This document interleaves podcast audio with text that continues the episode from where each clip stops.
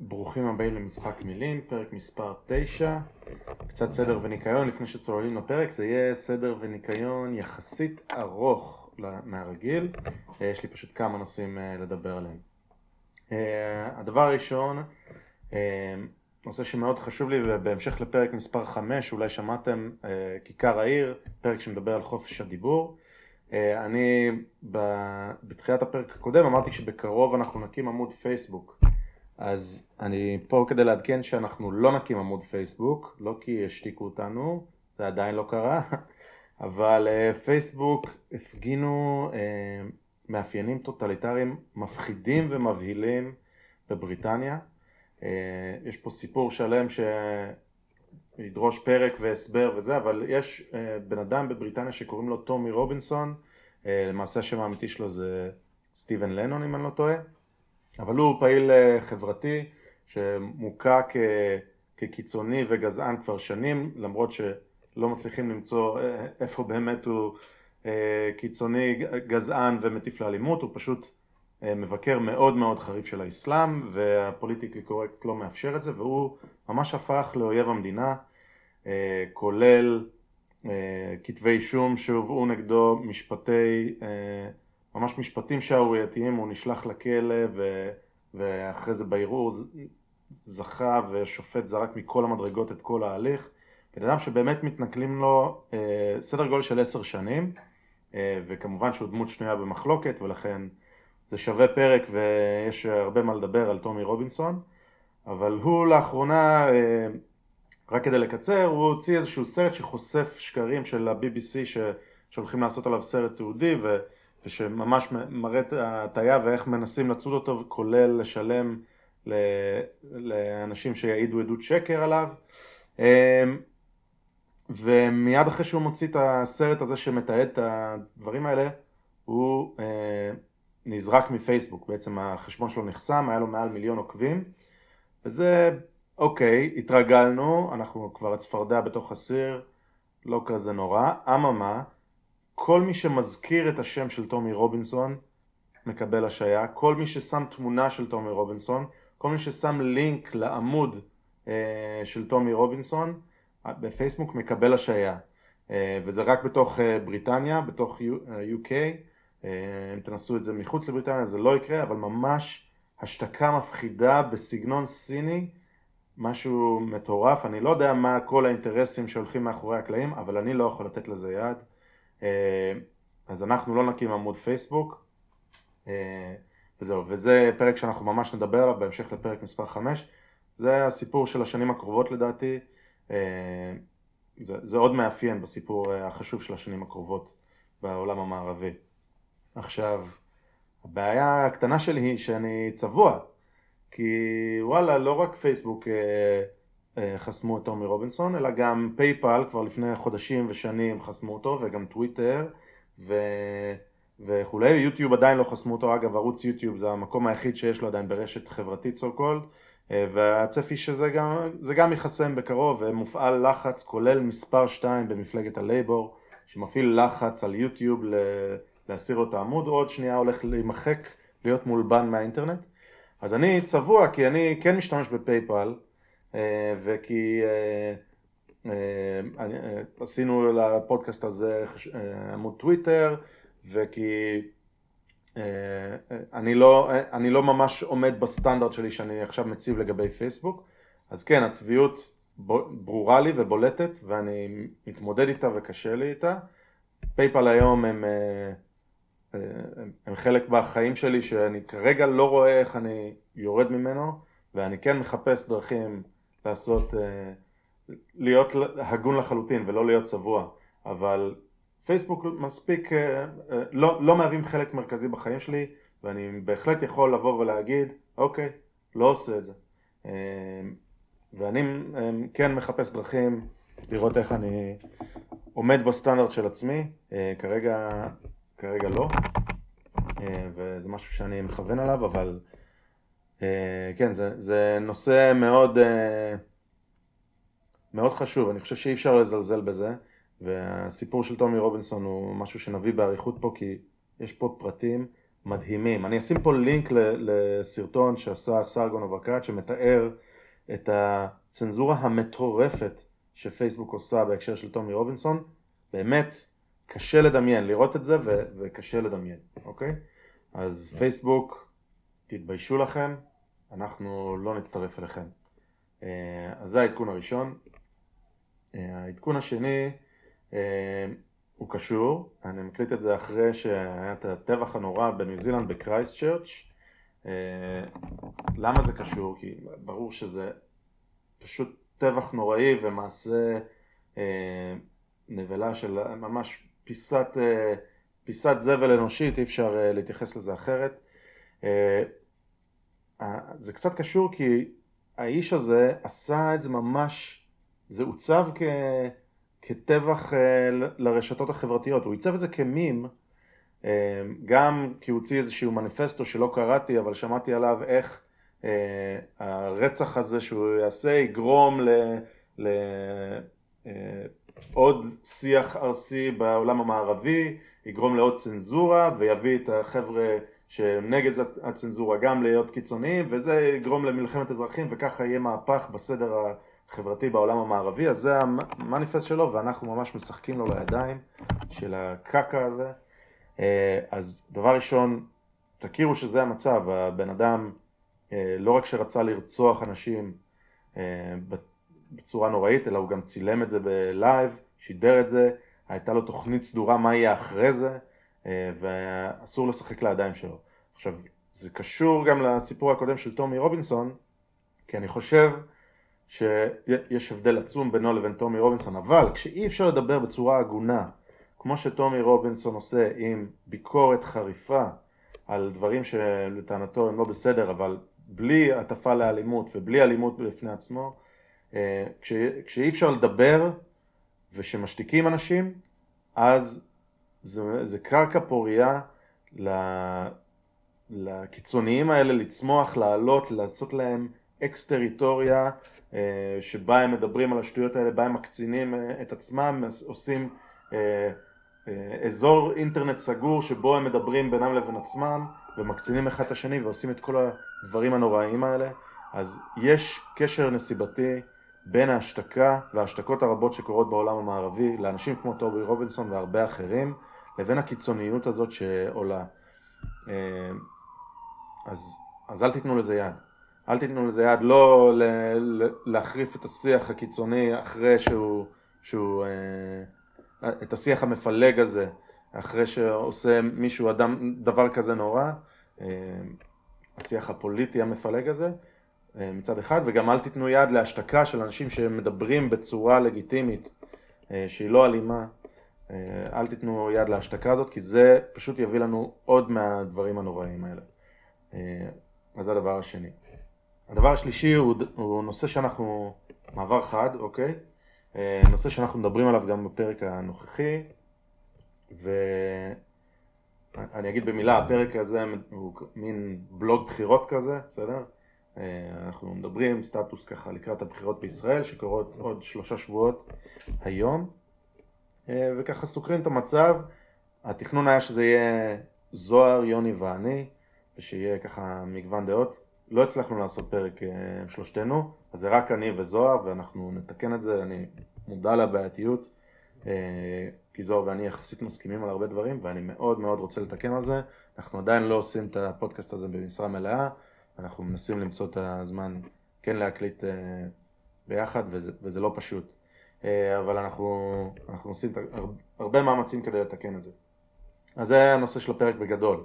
עכשיו, את הפרק הקלטנו אה, לפני יומיים, שתוך כדי הפרק או רגע לפני הפרק, אה, בג"ץ פרסם את החלטתו בנוגע לפסילת מועמדים, פסילת מועמדים על ידי ועדת הבחירות.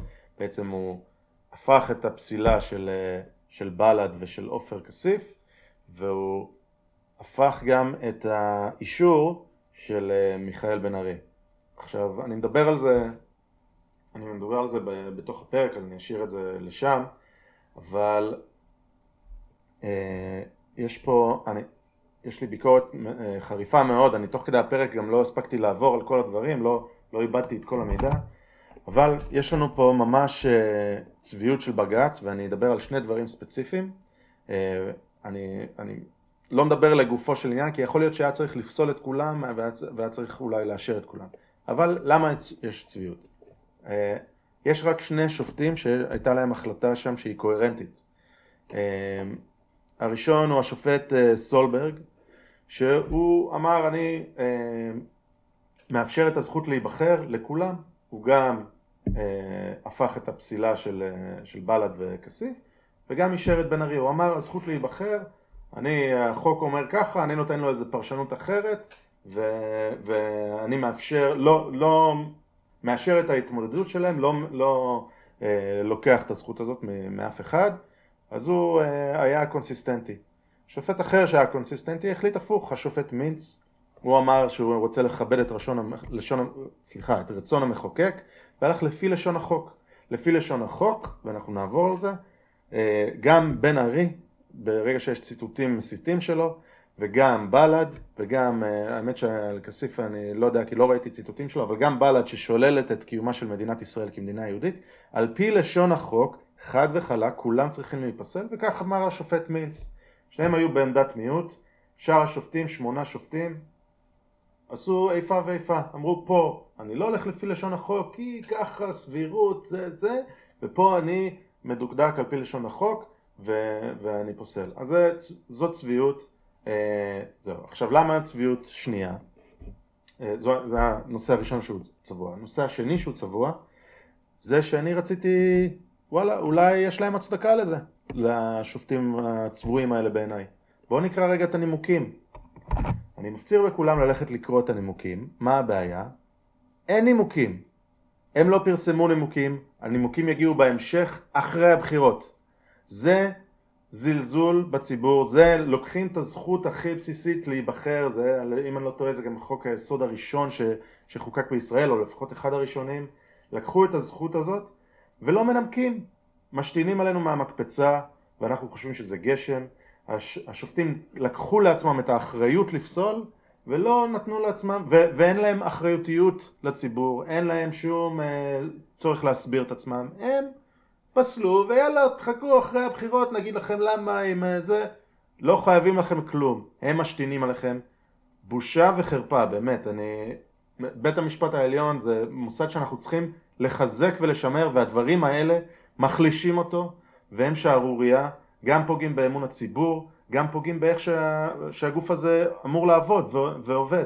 פשוט באמת אני מאוד חריף כי הם פשוט פגעו פה בצורה מאוד גדולה בצורת המשטר הישראלית ובדמוקרטיה והם עושים את זה מהמקפצה. אה, על הפנים, אה, באמת אני, אני חושב שגם מי שמבסוט מההחלטה יוכל להסכים שלא לתת נימוקים להחלטה כזאת לפני בחירות זה פשוט אה, אין מילים. אוקיי. הדבר, אני רגע, אוקיי, לנשום. הדבר האחרון הוא שאנחנו שלושה, אה, שלושה שבועות לפני הבחירות, יש לי המון נושאים שאני רוצה לדבר עליהם אה, פרקים, כמו שאמרתי, אני לא עושה את זה במשרה מלאה, אני מנסה ככה בזמן החופשי למצוא את הזמן לעשות את זה, ולכן זה יוצא ככה, אנחנו מנסים להוציא בקצב של פעם בשבוע. אז יש בגדול עוד שני פרקים, אולי שלושה לפני הבחירות, אה, ויש לי המון נושאים שאני רוצה לדבר עליהם, אבל אני חושב ש...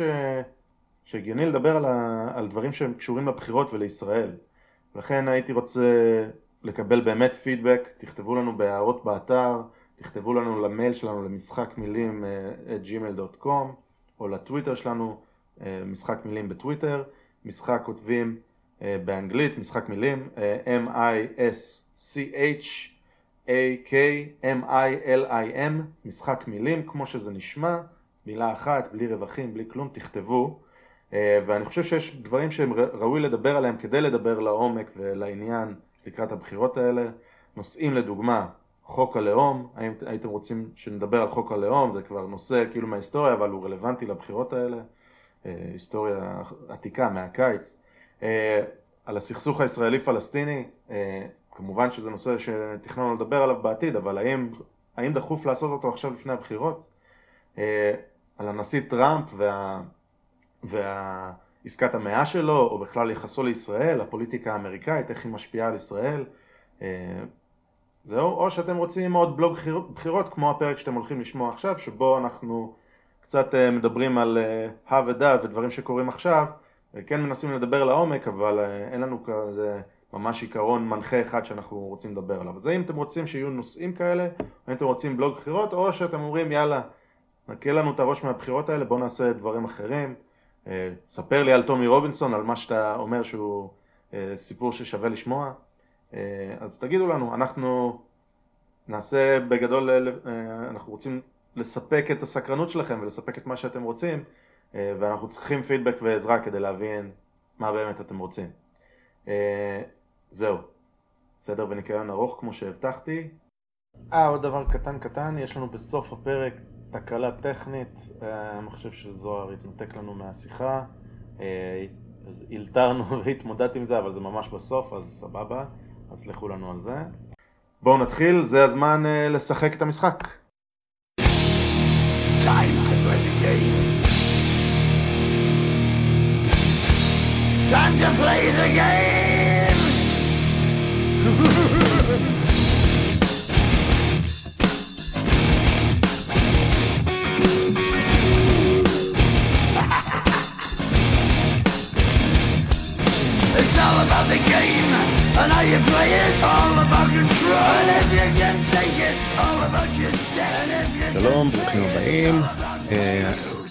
שחר, היום אני מדבר עם זוהר על הבחירות, רצינו לעשות פרק משולש גם עם יוני, רק זה לא צלח ואנחנו נעשה השלמות ונמשיך לדבר. וכמובן, זה הפודקאסט שבו זוהר ואני מנסים להישמע חכמים יותר ממה שאנחנו באמת ולא מצליחים. אם תחשוב על זה, אפשר לפרש את זה שני הצדדים. כן. העניינים. טוב, מה קורה? בסדר גמור, יאללה, אה, בחירות, אנחנו כן. היום שלושה שבועות לפני הבחירות, בואו... כן. אני נמצא רחוק רחוק מעבר לאוקיינוס, בואו תאר לי מה, מה האווירה, איך, אה, מה קורה שם. טוב, אז אה, אווירה של הסתה ופילוג, סתם. אה, השיח, השיח בכלליות, בעיקר מתמקד, כמו שקרה עד עכשיו, ב"רק ביבי" או "רק לא ביבי", זה שתי המחנות. אה, אבל הוא שיח נשאר גם כן כתמיד רדוד, בעיניי. אה, מדברים בסיסמאות, אה, וזה באמת, עכשיו היה את האירוע של השתי רקטות שנורו לתל אביב, שני, שני טילי הפאג'ר, רק ממחיש כמה זה שתי מחנות של ביבי ורק לא ביבי, כי יש אנשים משמאל שתוקפים את ביבי על זה שהוא לא נכנס בחמאס וזה שהוא אה, עדין איתם, אה, אז זה, זה ממש מרגיש לי כאילו אין פה באמת אידיאולוגיה או קו מחשבה אה, לגופו של מקרה, לגופו של עניין, אלא רק הפוך מביבי. אה, זה מדהים. אה, הפוך מביבי? במה הפוך מביבי? זאת אומרת, הם, מי שתוקף אותו משמאל פשוט תוקף אה, את ביבי, לא משנה מה הוא יעשה, ככה זה מרגיש. אוקיי. Okay. אה, כן, אני גם מכיר אנשים אה, ש, שתומכים בביבי, לא משנה מה הוא יעשה, גם אתה, גם אתה מכיר אחד, אב, אבא שלנו. מכיר, מכיר, כמה, אוקיי. כן. תומכים ב, ב, בביבי, לא משנה מה הוא יעשה, אה, זה, זה מרגיש לי בדיוק אותו, בדיוק אותו סיפור. אה, שלא משנה מה ביבי יעשה, ילכו נגד? אוקיי, okay, הבעיה שלי לפחות היא שבאמת הקמפיין שלהם מתבסס כאילו על ביבי. נתניהו עשה את זה, נתניהו לא עשה את זה, נתניהו תפסיק לעשות את זה, נתניהו מדבר זה, וכאילו מרגיש לי כל הזמן, הוא, הוא ממש אה, מרחף כדמות שהם מנסים להוריד אותה, מנסים כאילו להוריד אותו לרמתו, לרמתם, והם כל הזמן אחד על אחד, לא אחד על אחד, ארבע על אחד כאילו, אל, אל מול נתניהו, כן. במקום להתמקד בעצמם. Uh, כמובן שגם לנתניהו, uh, הקמפיין שלו הוא נטו שלילי. כן, פותחים אותי, השמאל, אז זהו, לא... לה... תמיד יש את המשפט, לכל מפלגה יש את המשפט שאיתה הולכת, אז בליכוד זה, אה, הם יקימו מפל... ממשלת שמאל בעזרת, בתמיכת המפלגות הערביות. זה נכנס בכל תגובה של הליכוד, לא משנה באיזה נושא מדובר, בסוף זה מסתיים בזה. אה, כן. אבל, אבל אני חייב להגיד, אני יכול להבין קצת את, את המתנגדים של ביבי, כי בכל זאת הוא ראש ממשלה כבר עשר שנים, הוא, סביבו כל הפוליטיקה שלנו מסתובבת, הוא דמות מפתח, ואני יכול להבין את זה. אני פשוט אומר שאותי זה לא מושך בכלל, זה עושה לי אנטי, אני חושב שזה גרוע. אה, אני, אני כן מבין שיש הרבה אנשים שזה כן פונה אליהם. נכון, נכון. אין ספק שהוא מסתובב בפוליטיקה הישראל, הישראלית כענק בין, אה, כגוליבר, אה, כאילו לטוב ולרע, כן? אבל כגוליבר הוא פשוט התקבע אצל כולנו כבר כראש ממשלה לנצח. יש ילדים שלא זוכרים ראש ממשלה אחר, ילדים שהתגייסו היום, ומאז שהם היו בני שמונה הוא ראש ממשלה, שזה מטורף. כן. הוא גם נמצא בציבוריות הישראלית מעל 25 שנה, הפך לראש האופוזיציה, אני חושב, ב-92, אולי זה היה 93. אה, אז חד משמעית. אה, אבל מצד שני, אתה מצפה שאם אתה מציב, אתה רוצה להציב, או מתיימר להציב אלטרנטיבה, אז באמת אה, תתמקד יותר בדברים שלך ובדברים שאתה מציע שהם שונים. וכחול לבן עכשיו, לאחרונה, אחרי החיבור שהם עשו, הם לכאורה מנסים להיות יותר ברורים והוציאו מצע, ישבו עליו נציגי המפלגות השונות בתוך כחול לבן, והוציאו מצע, אבל אני לא מרגיש שהמצע הזה מתוקשר החוצה, והוא מצע קצת uh, מבלבל. Uh, זהו, אבל בואו, לפני שנצלול כאילו לפרטים האלה, מה, מה עוד באופן כללי השיח? זה כאילו חם? לא, השיח חם? אז התחלתי, ב, אמרתי באופן קצת סרקסטי, זה שזה... אה, אווירה של הסתה ופילוג, אז, אז זה באמת אה, מילים שאני שומע כל הזמן, ורציתי להגיד על זה, המילה הסתה נזרקת לאוויר על כל פלוץ שמישהו תוקע, סלח לי, אבל uh, באמת, מספיק שמישהו קורא למישהו אחר מטומטם, הוא כבר מסית. Uh, וזה פשוט מילה שאיבדה את המשמעות שלה, בעיניי. זאת אומרת, הסתה זה, זה עבירה צריך ל- ל- להסביר את זה רגע, נראה לי. הסתה זה עבירה, זה אה, בעצם אה, קריאה או אה, ניסיון לשדל מישהו לעשות פעולה. אה, לכן אומרים הסתה לאלימות בדרך כלל, זה מה שאנחנו הכי מפחדים ממנו, ובצדק. וזה משהו שהוא מחוץ לחוק, ולקרוא למישהו במילת גנאי זה אה, אומנם לא יפה, אבל זו לא הסתה.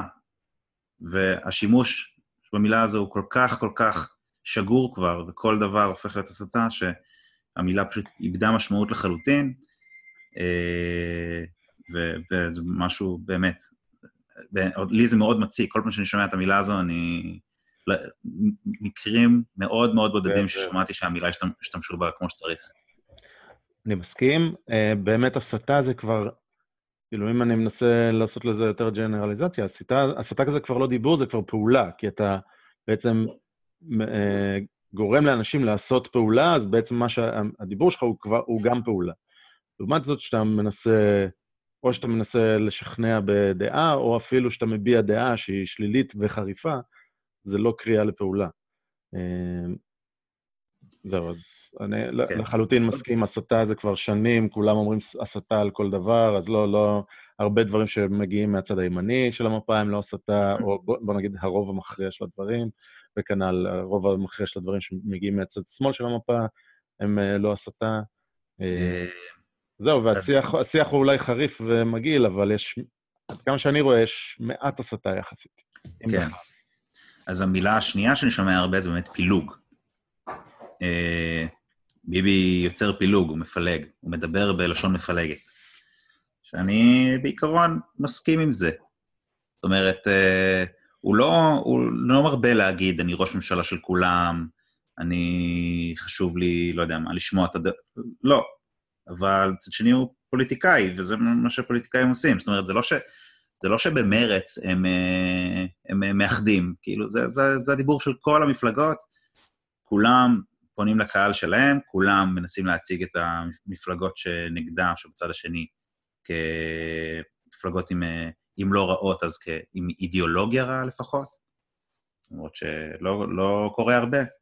אבל כן, כל השיח הוא מפלג, ואני לא חושב שזה משהו שהוא ייחודי לאף אחת מהמפלגות, וגם לא רק לביבי. אוקיי, בסדר, אני מסכים שזה, שנתניהו לא אומר הרבה פעמים, אני ראש ממשלה של כולם וזה, אני, אני חושב אבל שבאופן כללי, נתניהו ביחס לשאר הפוליטיקאים שלנו, הוא אחד מאלה שדווקא מדברים יותר בכבוד. כאילו, הפוליטיקאים בישראל הם מאוד, יורדים מאוד נמוך מאוד מהר, ונתניהו לא כל כך. אה, יש לו אמירה שכולם, שתי אמירות שכולם זוכרים, שהן היו בהחלט אה, אמירות שאני לא, לא הייתי רוצה להגיד, לא הייתי רוצה לשמוע, בטח לא מראש ממשלה. אחת, אה, ערביי ישראל נעים לקלפיות וכמויות אדירות, מה שהפך, ל, מה שהפך לערבים נוהרים לקלפיות, לקלפיות, כן. שזה לא מה שהוא אמר. והביטוי... רגע, אני... זה חשוב לי להדגיש, המילה נוהרים לא נאמרה. זה... לא נכון, הוא, לא, הוא אמר את זה פחות או יותר כמו שאני אמרתי, שאזרחי ישראל הערבים נעים לקלפיות בכמויות אדירות, עמותות השמאל מביאות אותם באוטובוסים, משהו כזה. אה, ויש לו עוד אמירה עוד מכהונתו הראשונה כראש ממשלה בשנות ה-90, שהשמאל שכח מה זה להיות יהודים. כן. אלה שתי האמירות שאנשים מצביעים עליהן, אמירות לדעתי אומללות, ואם אני עכשיו אעשה קרב השוואות בין כל פוליטיקאי שמתיימר להיות מנהיג, אולי חוץ מגנץ, כי הוא אמר מעט מאוד בחייו, כן. פוליטיים, אה, אז אני אמצא הרבה יותר ציטוטים, הרבה יותר אה, רעים, אה, וכולל, אגב, אבי גבאי, שגם אמר שהשמאל שכח מה זה להיות יהודים, כולל הרבה אנשים שאומרים, הציבור המתנחלי, משיחי, הפונדמנטליסטי, הפשיסטי, לקרוא למישהו פש, פשיסט, כן. אה, זו אמירה מאוד קשה. בטח אה, סתיו שפיר שתקרא לציבור נאצים, או למפלגה מסוימת נאצים, הייתי חושב שיש דברים על הספקטרום בין אה, גזענות לנאצים שאפשר לחשוב עליהם, או בין כאלה שאת לא מסכימה איתם לנאצים. ויש גם ציטוטים שאני יכול ללכת לראשי ממשלה אחרים, כאילו יש בן גוריון שהיה קורא לבגין ולדימיר היטלר, כן. אה, ויש את רבין שאמר שמתיישבים יכולים להסתובב כמו פרופלור, או שהוא אמר, בגוש אמונים ראיתי תופעה חמורה ביותר, סרטן בגופה של הדמוקרטיה הישראלית, נראה לי די מפלג. אה, אוקיי. זה, זה אה, פשוט נראה לי איך שפוליטיקאים מתנהלים, כאילו, יש את הצד נכון, שלהם, ויש את שלי. אני, אני... אולי זה לא, זה לא הכי... ש... לא, לא דיברנו הכי... בכלל, לא דיברנו בכלל על לפיד ואבא שלו והדמון וה... החרדי, כן? הוא, כן. הוא, שוב, בצורת הביטוי שלו. אני אגב לא חושב שלפיד חושב שהחרדים הם רעים או משהו כזה, אבל שוב, שיח מפלג. הוא אומר, החרדים שולטים בזה, החרדים החרדים, ויש אחרים שיגידו הערבים הערבים, ויש אחר, אחרים שיגידו השמאלנים בסושי בר, וזה... ככה זה, כל אחד כן, מנסה לדבר על הבית שלו, אה, ודווקא כן. נתניהו, ששוב, אני, יש לי עליו ביקורת מפה עד ל, ל, לירח, אה, הוא ממעט להגיד את הדברים השליליים.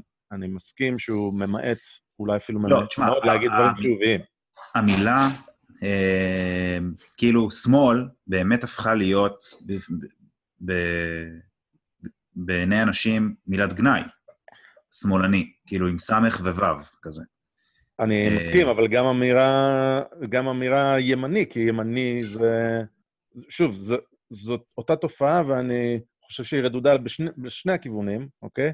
גם ימני, משיחי, זה כאילו, אפשר להגיד ימין, ימני משיחי זה אותו דבר. מתנחל, זה לא, המילה. רגע, אבל גם מתנחל זו מילת גנאי, גם חרדים זו מילת גנאי, וגם אה, כמובן שיש את הימין והימין הקיצוני, ויש את השמאל והמרכז. אז השמאל הוא במרכז, כן. והימין הוא עם הימין הקיצוני. לכן גם ימני היא מילת גנאי, וזה אפילו, אנחנו כל כך התרגלנו לזה שאנחנו לא שמים לב שזה, שזה מילת גנאי. אז נכון, הימין משתמש בזה ואומר, שמאל, ממשלת שמאל, הם יקימו ממשלת שמאל כמילת גנאי, כמו שהשמאל משתמש ב, בימין כמילת גנאי. אנחנו פשוט כן. התרגלנו. ו, ולשני הכיוונים, ו, והזעזוע מ... אה, מזה שאנשים אומרים שמאל, אה, הוא הרבה יותר גדול, כי כמובן, מי שאנחנו שומעים בתקשורת מרגיש נפגע אישית. אבל... כן, לא, אה, אני, אני, אני בסך הכל אומר שאכן, בעיניי זה כן, אכן שיח מפלג, אבל זה לא משהו חדש, וזה לא משהו שצריך להזדעזע ממנו, זה בטוח. אוקיי, סבבה. אמ, כמובן, אמרתי את זה כבר בפרק אה, מספר 3 עם יוני, אמרתי שזה לא בעיה בישראל, זה בעיה בעולם המערבי. הרשתות החברתיות, אה, בני אדם לא, לא התפתחו להתמודד עם הדבר הזה, אה, וזה שאתה יכול לשמוע ממיליוני אנשים כל הזמן את הדעות שלהם, אתה לא יודע כן. איך, איך להתמודד עם זה, זה הרבה מידע, אנשים נהיים הרבה יותר חריפים ברשת החברתית כשזה בטקסט, אה, מאשר בהתקשרויות אישיות, ולכן אתה, אתה כאילו שומע הרבה יותר רעש והרבה יותר זעם. אגב, אם תסתכל, בשנות ה-70 וה-80 מערכות הבחירות היו ארסיות בהרבה, והסכנה הגדולה שהפשיסטים עולים והכול, או הקומוניסטים... זה אה, בגין. גם בגין, גם שהיום הוא- פרס. איפה אה, הימים של בגין? כן, בדיוק. אז בגין היה- אה, השווה כל הזמן את הקיבוצים לקומוניסטים, שזה, שזה בעצם אה, קומונו נאצים, או איך שהוא לא, לא קרא לזה. כולם כל הזמן היו מדברים בצורה ארסית, פשוט אה, היה, כאילו, ככה זה, היה פחות, פחות רעש, פחות באז, כי לא היה טוקבקים ולא היה פוסטים בפייסבוק. טוב, יפה, אז, אז אוקיי, אז זה השיח, אז, אז בואו נדבר רגע על חוקי תעמולה, שעשו כמה שינויים לקראת הבחירות האלה, שזה טוב, שאין כבר את התשדירי בחירות הנהדרים שהיו ב- כן. בכל ערוצי הטלוויזיה, מונופול בפריים טיים, איזה כיף. לפחות זה באמת היה כיף. לנו. אה, אבל חוקי התעמולה עדיין לא, לא בדיוק התיישרו עם המציאות, לא? מה, מה רצית להגיד על זה? זהו, אז אה, יש עכשיו, אה, אני חושב שזה יו"ר ועדת הבחירות, שאמר שהנאום של ביבי. וגם אחד הנאומים של גנץ ישודרו בעשר דקות דיליי, בשביל שהם יוכלו לעבור על התוכן לפני שמשדרים אותו לה- להמונים ויוכלו לראות אם אין שם תעמולת בחירות אסורה. זה באמת אה, כל, כל כך אה, 2018, סתם. זה, זה, זה פשוט, אה, אין, יש, יש היום פייסבוק, ביבי שידר את הנאום שלו בפייסבוק ישירות, בלי ה delay, אנשים קיבלו את זה בלייב, וזה באמת, זה כל כך שטויות, זה מרגיש לי כל כך מיושן, וכל כך לא עושה באמת את, ה, את מה שהוא אמור לעשות. אני גם לא סומך באמת שוועדת הבחירות ת, תצנזר את הדברים כמו שצריך. אה, אני רוצה לשמוע את הדברים כמו שהם, לא רוצה ש... שאיזה ועדה תחליט בשבילי מה אני יכול לשמוע ומה לא. גם הקו הזה של מה זה תעמולת בחירות, אני לא יודע, כאילו, זה קורה הרבה, שעולה פוליטיקאי לראיון, ברדיו או בטלוויזיה, ואז הוא מדבר, מדבר עשר דקות, ואז הוא... באים להגיד איזה משפט, אותם פוליטיקאים, ואז השדרים אומרים, רגע, רגע, רגע, לא, אסור לנו פה לעשות תעמולה, עצור, אנחנו זה, בואו נדבר על הדברים האחרים. אני לא מבין, מה? כן. מה? זה שפוליטיקאי אומר, בגלל זה אתם צריכים להצביע ל-X וככה, לא, לא, לא, לא, זה אסור. אבל כל. שאר הדברים שאמרת, מה לא בסדר, כאילו, אל תצביעו לאחרים, או אה, זה הנזק, הכל זה תעמולת בחירות. הכל כן, זה ממש ניסיון. לשכנע, וזה פשוט מטופש, ארכאי, יאללה, שחררו. ל- אני לא יודע, אני מכבד את השופט אה, חנן מלצר, יושב ראש ועדת הבחירות, והגיע לאן שהוא הגיע, השופט העליון בדימוס, כנראה איש מאוד חכם, אבל יכול להיות שהוא פשוט לא מכיר, לא מודע, אני לא יודע כמה יש לו חשבון פייסבוק פעיל, או שהוא משחק פורטנייט בטוויץ', כן? אבל זה, זה פשוט ארכאי, לה, להגביל את השידור בטלוויזיה, זה פשוט, אתה, אתה לא מחובר. כן. אה, שחררו, שחררו, בואו נשמע מזה- את כולם, עדיף לשמוע כמה שיותר, כן. ואז להשתכנע מ... מ... מבאמת... אם מישהו עושה דברים לא בסדר, אני רוצה לדעת על זה ממקור ראשון, ולא כי אמרו לי שזה לא בסדר. אמ, אבל באותו הקשר גם, של תעמולת בחירות, יש את כל ה... אה, כל, כל התוכניות שיש בטלוויזיה מדברות עכשיו על הבחירות, אוקיי? obviously. אבל אה, יש לדוגמה את אה, גב האומה, ליאור שליין, עושה מונולוג. אה, תום אהרון בכאן 11, גם אה, יש לו את אותו פורמט דומה של מונולוג שהוא אה, פשוט מדבר למצלמה עם... יש לו פה בצד כזה תמונות שמתחלפות. סטייל אה, ג'ון סטוארט. כן, סטייל ג'ון סטיורט, סטייל ג'ון אוליבר. אה, פשוט תעמולה. הם עושים... למה אסור להצביע... אה, שליין הרי עשה את זה, למה אסור להצביע לביבי, הוא יורד עליו כל הזמן. למה אסור להצביע ליאיר לפיד, הוא יורד עליו כל הזמן. הוא עשה עכשיו, שבוע, למה אסור להצביע לפייגלין, גם ירד עליו ממש. בעיניי באופן גרוע, אבל עשה את זה. ולא יודע, נשאר להצביע רק למרב מיכאלי, נראה לי. אה, גם תום אהרון עשה את זה שבוע שעבר, הוא ירד על אה, יאיר לפיד ועל הסרטונים המטופשים שלהם. שבוע ירד על אה, משה כחלון. זה ממש תעמולת בחירות, זה מסביר למה לא להצביע, או למה מישהו, אחד הפוליטיקאים שרץ עכשיו לכנסת, למה הוא עושה דברים לא נכונים ולמה כדאי לו להצביע לו. אז לאנשי, מי שנמצא בתקשורת שעובד שם מותר, ולפוליטיקאים כאילו אסור, אבל איפה עובר הקו? ברגע שאיש תקשורת הוא בן זוגה של פוליטיקאית, שם עובר הקו, או אולי אם הוא יתפקד לאיזושהי מפלגה, אז שם עובר הקו? או לא יודע, אני, אני פשוט חושב, אני פשוט חושב שאין קו, ויאללה, תנו לדבר. יש, יש הרי גם מועמדים לראשות הממשלה עכשיו, לחצי ראשות הממשלה, שהיו אה, מגישים את המהדורה. בימי שישי הרי, אז אני לא יודע. זה... כן, אבל זה משהו אחר. הוא היה, ו... היה, אני, אני מסכים שהוא, בעיניי, אגב, זו הייתה תוכנית ארוכת טווח, וכל הכבוד לו שהוא עשה את זה, יאיר לפיד. אמר, טוב, הייתי מנחה טוקשואו וזה, אני צריך להיות רציני כאילו, איש חדשות, ולכן הוא אמר, טוב, אני אעשה את התפקיד הזה. יכול להיות, אגב, שאני ציני פה ו... ואני טועה לחלוטין, אבל לדעתי זו תוכנית שלו, תוכנית אב, שהוא אמר, אני מתישהו רוצה ללכת לפוליטיקה, עוד איקס uh, שנים, או אני אהיה מגיש אולפן שישי, אני אהיה רציני, תהיה לי הרשת uh, של uh, איש אקטואליה וחדשות וזה, ואז אני אוכל משם לרוץ לפוליטיקה. אני, הוא עושה את זה, וזה לגיטימי סופר. אני רק אבהיר אז מה אני מתכוון, אני חושב שזה לגיטימי לחלוטין. אני רק אומר שההבדל בין עיתונאי לפוליטיקאי הוא, הוא עניין של החלטה בעיניי, זה לא... אני, אני מסכים, ו, ויש לנו בכנסת המוני פוליטיקאים עיתונאים. שהיו עיתונאים. כן. אוקיי, יפה. אז uh, זה השיח באופן כללי, חוקי תעמולה, איזה יופי. בואו נדבר רגע, יש חוב ישן שלי, שאני אומר שהמצע של uh, חוסן לישראל, שהפכה לכחול לבן, אבל חוסר לישראל ספציפית, גרם לי לקרינג' בצורה מטורפת, ואני אמרתי שאני אסביר את זה, אבל אז אני רוצה קצת להסביר.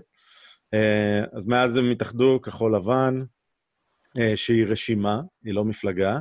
כן. אה, רשימה שמאחדת שלוש מפלגות, ויכול מאוד להיות, בטח אם לא תהיה הצלחה בבחירות. שלוש ועוד. לא...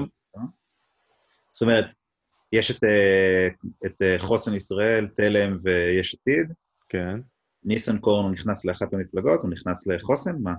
כן, ניסנקורן הוא... קנה ל... עד כמה שאני מבין, חוסן לישראל. אוקיי. כנ"ל אשכנזי, הוא גם חוסן לישראל. אין לדעת, אוקיי. הוא צנח, הוא צנח. כן. אה, גולנצ'יק, אבל אה, צנחן במקרה הזה. אה.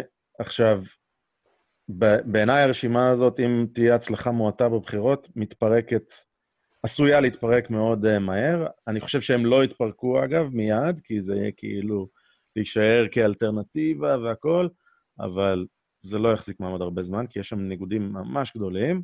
יש דבר אחד שמאחד, אה, וזה צריך להחליף את ביבי. כן. אה, והם ניסו לעשות מצע ש...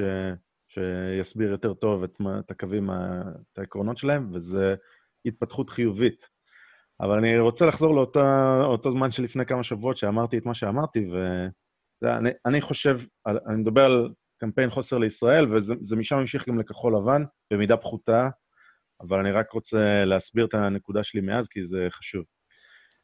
אה, חוסן לישראל לחלוטין זלזלה במצביעים. לחלוטין אה, רואה את העם כחבורה של בבונים מטומטמים, שאולי אנחנו נצליח לגרום להם לשים פתק שהם לא מבינים מה הוא שם. ויש הרבה אנשים שמקשיבים לזה ויגידו, אה, זה נכון, עובדה, אלה שמצביעים, אז אני טוען שזה לא נכון. אה, ואני טוען שאנשים הפתיעו אותנו, בטח בשנים האחרונות הפתיעו אותנו רבות אה, על האינטליגנציה שלהם ועל, אה, ועל החוכמה שלהם, ולראיה זה פודקאסטים, בסדר? אה, אה, פתאום אנחנו רואים שוואלה, יש לאנשים קשב לשמוע, ושיחות של אה, חצי שעה, שעה ושעתיים ושלוש. ג'ו רוגן זה הפודקאסט הכי פופולרי בעולם, יש לו שיחות של ארבע שעות לפעמים. ו... זה יותר אה, פופולרי ממהדורות חדשות ומהערוצים המובילים כן, בטלוויזיה. יש לו יותר ריץ' מכל אה, ערוץ טלוויזיה שעושה סגמנטים של תשע דקות, וקדימה, צ'יק צ'אק, בואו נעשה מאייטם לאייטם. אז אה, אנחנו רואים שיש ממש אה, אה, ערגה, ערגה לקבל משהו יותר אינטליגנטי ויותר זה. אז זה באופן כללי. עכשיו, אה, הדבר השני הוא שאני מרגיש שבני גנץ קיבל עצות מיועצים אסטרטגיים, יועצים תקשורתיים, שאין להם מושג מה העם רוצה, וזה יועצים שאמרו, אוקיי, אנחנו צריכים לגנוב קולות מגוש הימין, בואו אנחנו נדבר לימנים האלה. זה אנשים, לדעתי, אני לא, אני לא יודע, זה הכל הערכה שלי, בסדר? אה, אה, הציבור הימני הזה, ככה צריך לדבר אליו, וככה יש סיכוי שתגנוב קולות מגוש הימין. הנה, בואו נעשה את זה, נראה איך אנחנו חזקים, נראה איך אנחנו זה, יאללה, בואו נוציא סרטון, הוציאו, א', סתמו את הפה, ב', הוציאו סרטון של אלף, uh, כן, 1,500 הרוגים בעזה, ככה מספר שעולה, ו, ובתים הרוסים ופצצות וזה, הנה, וואו, איזה כיף לציבור הימני לראות את זה. איזה יופי לראות שאנשים נהרגו בעזה, איזה כיף, יאללה, בוא נצביע למי שהרג אנשים בעזה. אוקיי, אה, כנ"ל, אה, בני גנץ חשב שג'אברי לא צריך לחמוק. הנה, ככה בני גנץ עשה את זה. כאילו הוא הלך לשם עם רוגרטקה כמו דוד ועשה את זה. אה, והדבר הכי, הסרטון שהכי זעזע אותי היה סרטון שבו מראים שכונות הרוסות בעזה, שמראים כמה בני גנץ היה חזק. ממש תצלום כאילו של, של דרון, שמראה שכונות הרוסות, שזה נראה כמו חלב ברוס, בסוריה, אוקיי? ממש, כאילו שכונות שנהרסו בעזה. עכשיו, אני, הצילומים האלה מבאסים אותי. אני בתור מישהו שאני אה, טוען שאני מנסה להיות אובייקטיבי ולהסתכל על כל, על כל דבר, אה, אה, על כל דבר כאילו לגופו של עניין, אבל בסופו של דבר יוצא שאני ימני, כי ככה אני מפרש כל דבר, סבבה? אז אני ימני, אני מסתכל על זה. אוי ואבוי, איזה מסכנים האנשים שם, שהם שבויים אצל שלטון, שגורם לזה לקרות אצלם בשכונה. אני מסתכל על זה ומתבאס שאנחנו צריכים לעשות את זה. וזה לא זה לא תצלום שאני נוח לי איתו, לא, לא, לא תצלומים ש, שאני רוצה לראות ואומר, אה, איזה חזק, הוא הרס את הזה, והנה, אני אצביע לו כי הוא חזק, והוא יהרוס עוד, הוא יהרוס עוד שכונות, איזה כיף, בוא נצביע לגנץ. לא ממש היה סרטון שבעיניי מגעיל. פשוט מגעיל, ופשוט לא מבין מי האנשים, מי האנשים האלה שמצביעים לימין. זה לא אנשים שרוצים להרוס שכונות, ממש לא. זה אנשים שרוצים שיעזבו אותם בשקט, וברגע שיורים עליהם טילים, אז צריך uh, להיות חזקים כדי שלא יראו עלינו עוד פעם טילים. זה פשוט היה באמת נוראי. Uh, הדבר הנוסף, ואני אתן לך רגע להגיב, זה שהם לא אמרו שום דבר, ממש לא היה ברור מה לעזאזל הוא רוצה, מי הוא לא מדבר וזה, אז היה לו את הנאום הזה שלו, ואז הם הוציאו עיקרי המצע, אוקיי? כאילו, הנה, חבר'ה, הייתה עלינו ביקורת שאנחנו לא אומרים כלום, הנה אנחנו אומרים, הוציאו ציוץ, חוסן לישראל, או אולי זה היה מהחשבון האישי של בני גנץ, אני לא זוכר, אחד מהשניים, ציוץ. אנחנו רק נשים את זה כאן, נקודותיים, עם קובץ PDF של שני עמודים, שמדבר כאילו נושא-נושא, שורה, נושא, שורה, נושא, שורה, שבגדול אומר, אנחנו בעד הדברים הטובים ונגד הדברים הרעים. כן. Uh, יותר מיטות בבתי חולים. כן, יותר שכר לרופאים. בדיוק. כן. אה, אה, שיח מאחד, אה, כן. עוצמה כלכלית וזה. עכשיו, אני לא, אני לא מצטט בדיוק, אבל זה היה באמת רדוד ברמה מטורפת, ופשוט ראיתי את זה ואמרתי, יואו, מי מייעץ לו בכלל? מה זה הדבר הזה? איזה זלזול באנשים, איזה זלזול בבוחרים, זה פשוט היה הזוי בעיניי. זהו, אז אני אתן לך להגיב, אני אגיד, אה, רק משפט אחרון הוא שהמצב השתפר משמעותית בגלל יאיר לפיד, כי יאיר לפיד חושב קצת יותר על הבוחרים, כאילו, פחות מזלזל, והיה מצע ליש עתיד, ואני בטוח שהוא הכריח שנעשה מצע לכחול לבן, כי אחרת לא זה, זה מה שאני בטוח שקרה, אני לא יודע, אבל אני משוכנע בזה, ואז ישבו עד שיצא ישן לבן וכתבו מצע של 40 ומשהו עמודים, אה, שגם עליו יש לי ביקורת, אבל זה מצב הרבה הרבה יותר טוב, לפחות יש להם קווים מנחים. אז, אז עכשיו, לפי מה שאני יודע, יאיר לפיד, אה, הם סיכ, סיכמו הרביעייה שיאיר לפיד יהיה זה שינהל את הקמפיין, אה, ואולי בגלל זה זה נראה קצת יותר מסודר. לדעת, לדעתי כל הדבר הזה נגרם כתוצאה מזה שבני גנץ קצת לא היה מוכן, זאת אומרת, he didn't hit the ground running, מה שנקרא. הוא די התחיל את הקמפיין שלו, לא היה ממש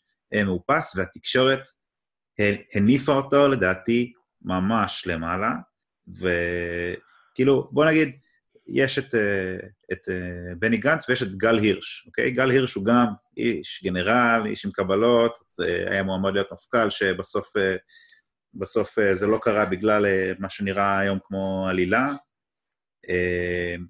אבל השוני ביניהם, על פניו, גם גנץ אומר שהוא לא איש שמאל.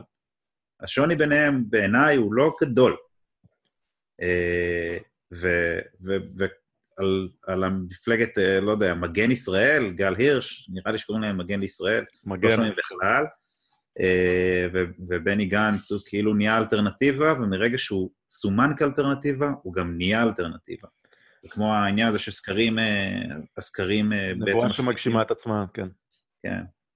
אז סקר בעצם משפיע על התוצאה, אז, אז זה נראה לי מה שהיה פה. התקשורת סימנה את בני גנץ כ, כאלטרנטיבה לביבי, ומשם הוא נהיה אלטרנטיבה, אבל הוא פשוט לא היה כל כך ערוך לסיטואציה הזו. וברגע שבאו יש עתיד, שהם כבר, uh, יש להם uh, בסיס כלשהו של...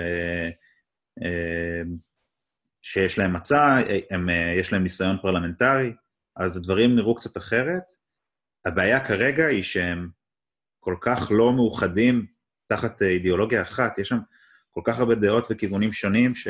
שאני לא יודע איך הם הצליחו ל... לכתוב מצע בסופו של דבר.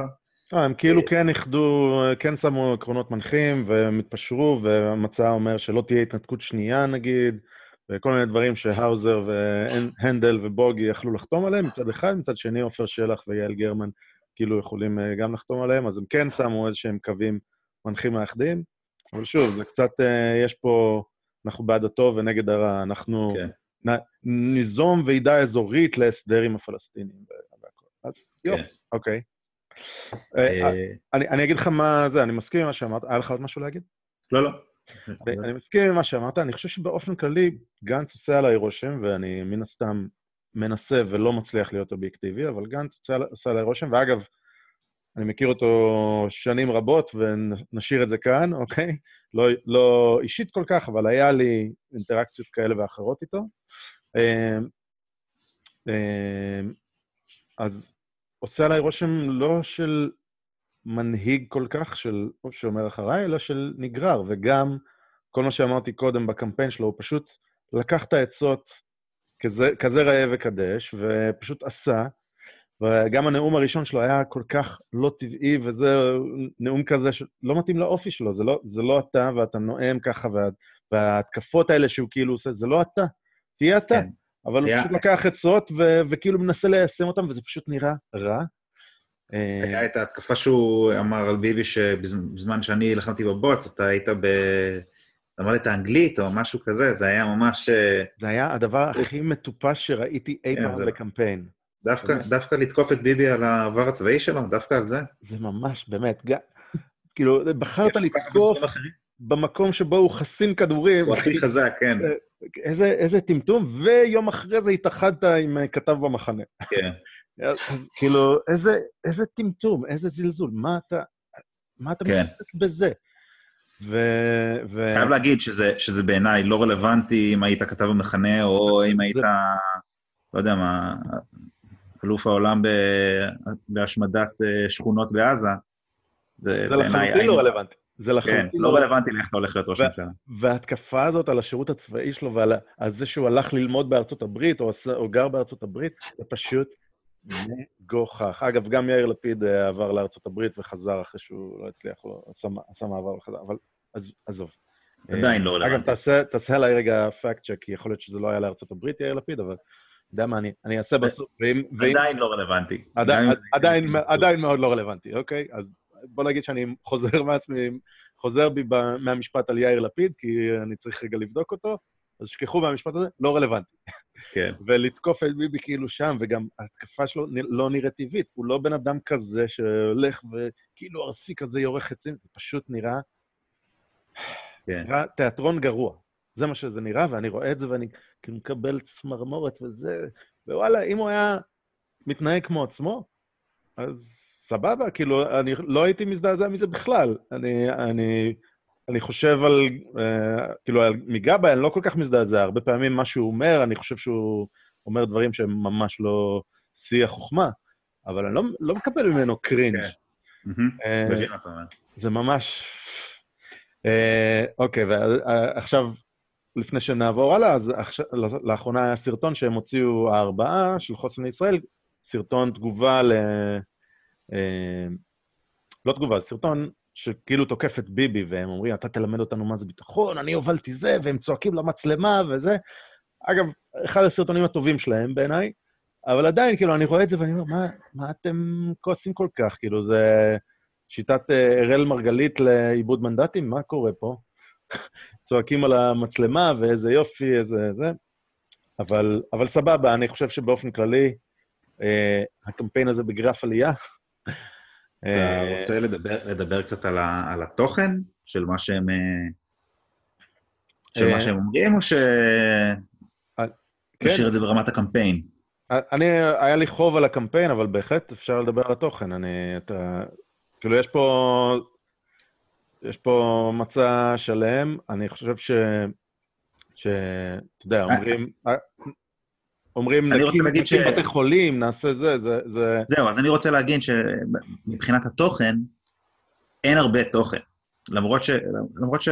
טוב, אני, אני אולי קצת חוטא, כי אני לא קראתי את המצע כולו, אה, אבל, אבל זה, זה פשוט הרגיש לי כמו הרבה סיסמאות.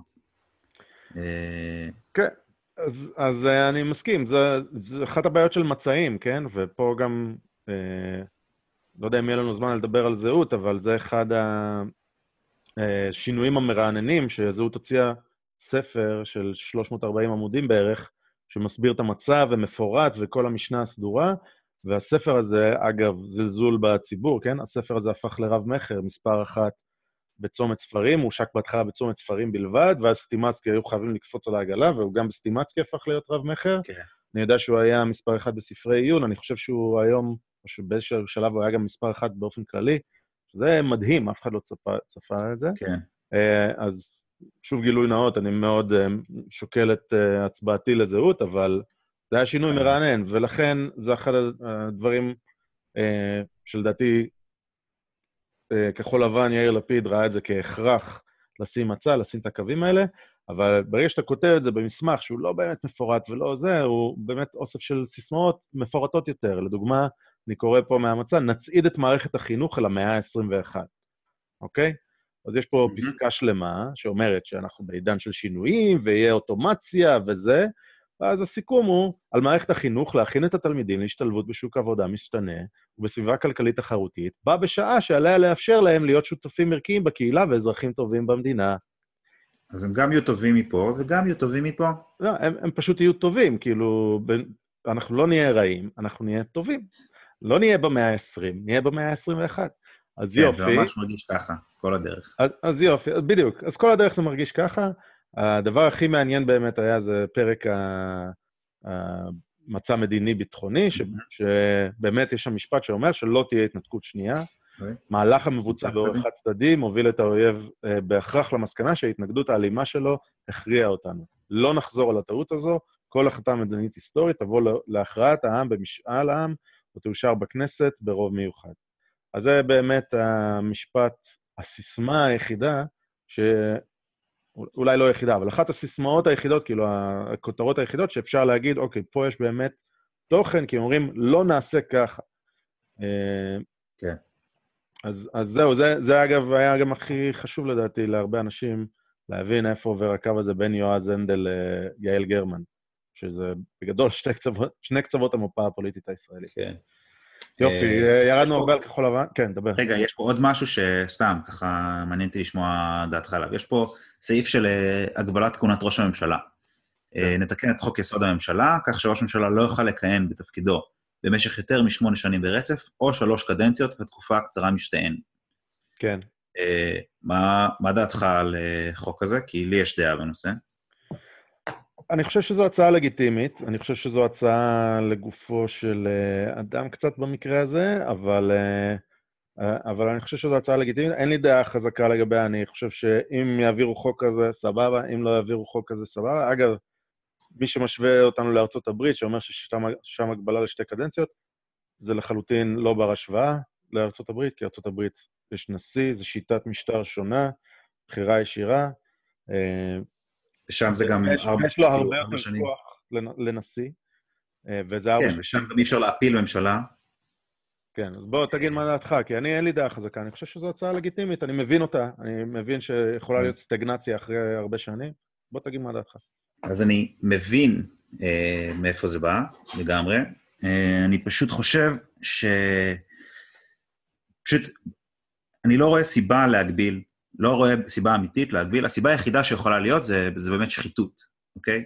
אה, שמישהו שכבר צבר יותר מדי כוח מתוך המערכת, הוא מכיר כבר את כל הטריקים, אה, וזה הדבר היחיד שאולי ככה גורם לי לשקול את זה בחיוב, אבל באופן כללי אני חושב שזה רעיון רע, כי אם בוא נגיד עכשיו, אם היינו מגבילים אה, בדוג, בדוגמה הנוכחית את ביבי, שהוא לא יוכל להיות עוד קדנציה, אבל רוב רובו של העם רוצה את ביבי בתור ראש ממשלה, אני לא חושב שזה מוסרית, אה, שזה מוסרי לאסור על ביבי להיבחר שוב, למרות שהעם רוצה אותו.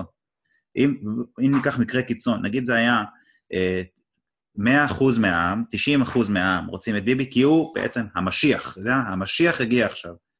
והמשיח כבר אה, היה ראש ממשלה שתי קדנציות, כולם רוצים את המשיח ראש ממשלה. אז לא, אין, זה היה חוק, יסוד, אי אפשר... אה, זה נשמע לי לא מוסרי.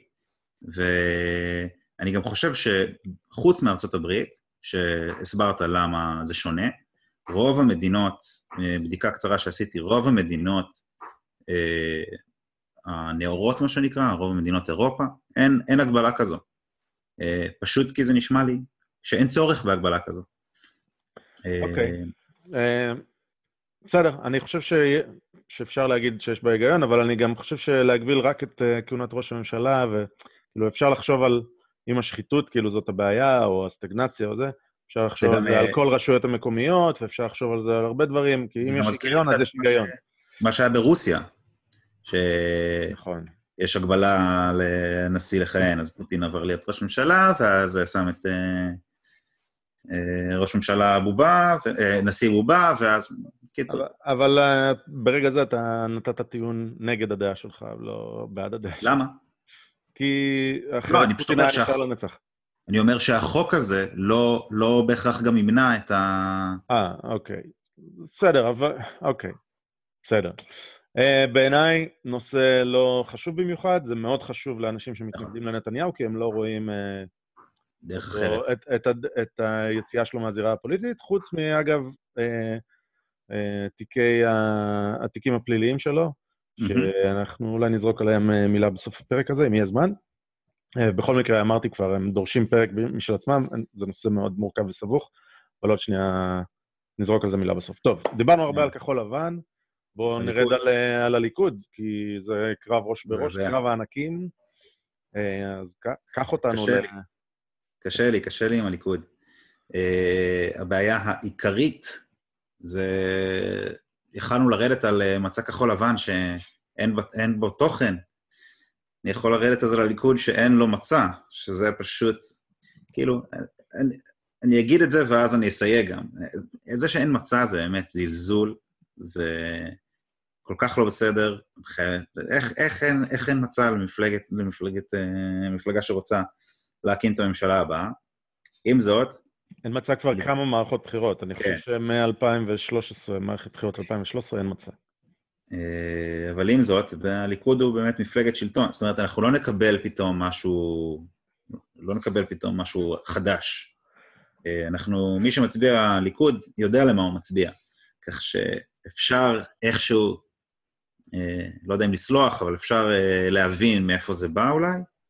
אני, בעיניי זה עדיין, זה, זה, זה, זה ממש לא בסדר. לא מבין למה הם לא יכולים אה, לשבת, לכתוב מצע, מצע מסודר, משהו שאני אוכל אה, לקרוא ולהתחבר אליו, אבל לא להתחבר אליו, ולהחליט אם אני שם אה, את הפתק שלהם בקלפי. בעיניי יש, יש מה שנקרא חוקה לליכוד, שזה כאילו עקרונות התנועה.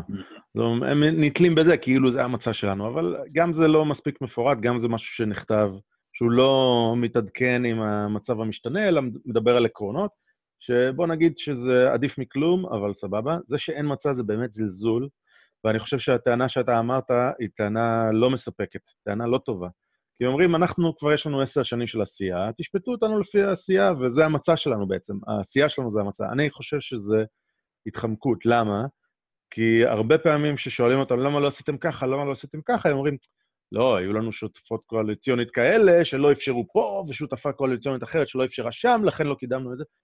אז בעצם השלטון לא מימש את המדיניות שרציתם, אם זה התירוץ שלכם, אז מה כן המדיניות שלכם? תסבירו רגע מה אתם רוצים לעשות. אתם רוצים לעשות אה, אה, אה, שינויים ברשות השופטת או במנגנון בחירת השופטים? אתם רוצים לשנות את מערכת החינוך? אתם רוצים... יש חזון, אה, יש, יש חזון, חזון ויש מציאות. המציאות, מה שאנחנו רואים, השאלה מה החזון. נכון, והמציאות, שוב, הטענת התגוננות שלהם הרבה פעמים עם ביקורת, זה התגוננות של המציאות לא מאפשרת לי כי השותפות הקואליציוניות שלי לא אפשרו לי ככה. אם אתם רוצים לדעת מה המדיניות שלי, תראו את מה שעשיתי בשנים האחרונות. אז אם אני מסתכל על מה שעשיתי בשנים האחרונות, אני מקבל ערב רב של מצע של כולנו, של הבית היהודי, של, של ציפי לבני לפני כמה שנים, של יאיר לפיד, שזה... אני לא מקבל את מצע הליכוד, אני מקבל בליל של הרבה פעמים גם סתירות אתה יודע, משנה לשנה המדיניות השתנתה וזה, אני לא יודע על מה, על מה אתם רצים. אז זה דבר ראשון. לא מספק, רמה נמוכה, אה, אתם מזלזלים גם בציבור. אחד. שתיים, אני מאוד מתבאס מ... מ... הליכוד זו תנועה גדולה שיש לה ספקטרום גם של דעות בתוך ה... כאילו המחנה הלאומי. יש, יש הבדלים בין צחי הנגבי ל... לא יודע, למישהו שהוא... ליריב לוין, אוקיי? אה, אבל אבל עדיין באולפנים וזה, אני כאילו מתבאס מה... מדפי המסרים שחוזרים על עצמם ואומרים, אה, שוב, אומרים את המילה הזאת שאמרת, יקימו ממשלת שמאל, ממשלת שמאל וזה, ולא לא, בא, לא באים לידי ביטוי בפני עצמם. עכשיו, אני לא קמפיינר ויכול להיות שאני לא מבין, אבל אני שוב מרגיש זלזול. כן, לגמרי. אה, פשוט מרגיש לי גם כן, אין תוכן בכלל בקמפיין. אה, יש הרבה אנטי, למה, למה גנץ הוא חלש, ולמה לפיד הוא חלש, וכאילו הוזלה שלהם, ושהם יקימו ממשלה בחסות המפלגות הערביות. אה, אין, אין הרבה מה, מה הם כן יעשו. קמפיין מאוד שלילי, זה קמפיין שלא אומר, תראו, עשר שנים עשינו ככה, הנה ישראל ב-2009 והנה ב-2019, איזה ויש, יופי. ויש, ויש על מה. יש על מה לדבר, אני מסכים איתך, אבל גם הם מזלזלים בבוחרים ואומרים, ועושים קמפיין שלילי, כאילו רווח ל, לזמן קצר, ולא אומרים, הנה, זה, זה הדברים הטובים שעשינו, אלא אומרים, זהירות, זה יכול להיות כן, רע. זה מסוכן. Uh, ממש על הפנים, uh, קמפיין שלילי ולא קמפיין חיובי, על הפנים בעיניי. אה, נוראי.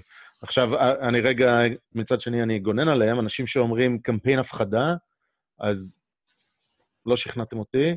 אומרים את זה, אגב, כמובן שנים, שביבי תמיד עושה קמפיין הפחדה, אומרים להם הערבים והם יוצאים מהחורים שלהם, כל מיני ציטוטים כאלה. כולם עושים קמפיין הפחדה, קמפיין הפחדה מהמשיחיים, קמפיין הפחדה ממדינה דו-לאומית ומדינת אפרטהייד, קמפיין הפחדה מצונאמי מדיני. קמפיין הפחדה קורה בכל הצדדים כל הזמן.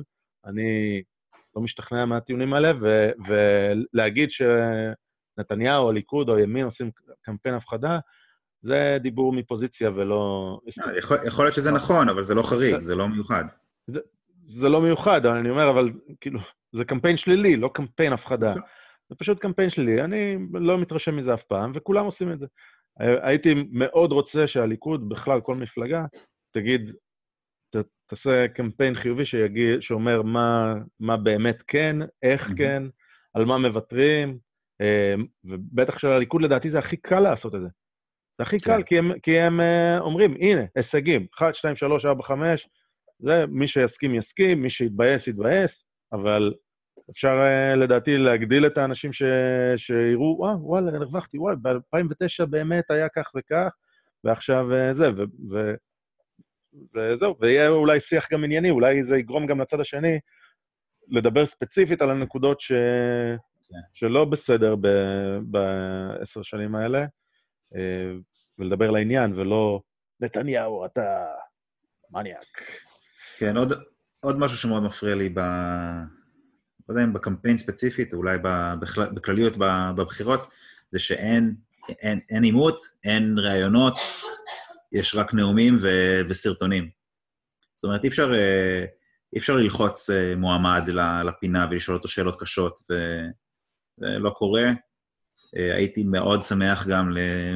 כאילו, אני לא מבין את הקמפיין של הליכוד, שלא שם את ביבי מול אחד ה... שים את ביבי בחדר, ביחד עם בני גנץ. ביבי, משהו הכי טוב זה לדבר, הוא מדהים בזה הרי. אני לא מבין למה אין, אה, אין קצת clashing, אה, head to head, בין אם זה עם מועמד אחר או עם עיתונאי. בעיניי זה ברור. אגב, נתניהו, לדעתי, אם הוא בעימות מול גנץ, הוא הופך אותו לעפר, אוקיי? כן. אה, גנץ התבלבל, הוא בכלל לא בנוי לזה, הוא לא עשה את הדברים האלה בחיים. ואני לא בטוח שגנץ יקבל כזה דבר, אבל אני בטוח שנתניהו לא יציע כזה דבר. נתניהו יגיד, מה, למה שאני אעלה אותו לרמה שלי? אני מרחף מעל כולם. אני זה, שילך גנץ של לפיד וזה, יעשה פאנל ופגוש את העיתונות עם ארבעה פוליטיקאים אחרים, אוקיי? או שיעשו עימותים, זה, הם יהיו שם, ישחקו בארגז חול של הילדים. בסופו של דבר, אבל... זה, זה האינטרס שלו, אני, אני מתבאס מזה, אבל אני בטוח שהוא... כן, לא... בסופו של דבר הוא אומר שזה מסוכן שתקום פה ממשלת שמאל ומפלגת כחול לבן תקבל יותר מנדטים מהליכוד לפי הסקרים עכשיו. אז אני באמת, אני לא מבין את האסטרטגיה הזו, זה... יכול להיות שבסוף הוא ירצה לעשות את זה, אבל אני, אני חושב שזה לא יקרה. וכן, זה, זה חלש ביותר. אני חושב ש... אנחנו חייבים את זה למישהו שעשה את זה בפעם הראשונה, קוראים לו אהוד ברק, מחק, חמק מעימות, ומאז אנחנו... לא חזר, לא חזר הנושא הזה של עימות, ב-99. אה, כן, עוזר, תורם לרידוד השיח, נהדר. כן. אגב, הסרטונים, חלקם, בכל המפלגות, חלקם הם אה, חזקים, אה, חלקם הם סבבה, הסרטונים באינטרנט לפעמים הם אה, מגניבים, אבל כמובן שהם רדודים. כן, זה, כן. טוב, דיברנו על כחול לבן, דיברנו על הליכוד. נדבר רגע על השמאל באופן כללי, ואז מפלגות השמאל יותר, ואז מפלגות הימין יותר. בואו נדבר רגע על מרץ והעבודה. קדימה. אה, אז אני מזכיר שהייתה לי תחזית שאני עדיין מחזיק, שמרץ יקבלו יותר מנדטים מהעבודה. אה, אני אסביר אותה. אני חושב שהיום העבודה, אה, בגדול, לפי הרשימה שלה, בגדול, כל מי שיצביע היום לעבודה עם, ה, עם המועמדים שלה, בעצם יכול להצביע גם למרץ. כן. אין, אין קו באמת שמפריד ביניהם. הקו היחיד הוא אולי הוא אבי גבאי. אבי גבאי, בדיוק. ואם כבר, אז אבי גבאי הוא סדין אדום בפני אנשים שיכולים להצביע למרץ. אם כבר. אה, כי היה לו כל מיני אמירות שהן לא שמאל אה, טהור, כן, והוא לא... כי מי שקצת ימין לאבי גבאי יכול להצביע לכחול לבן. כן, אז בעצם, בעצם זה... סליחה, סליחה, דבר. כן, כן, אני אומר, אפילו בס... לא, לא בהכרח ימין מאבי גבאי, אלא מי שבסביבה של אבי גבאי יכול להצביע לכחול לבן. ומי שעוד שמאלה משם יכול להצביע למרץ בקלות. כן.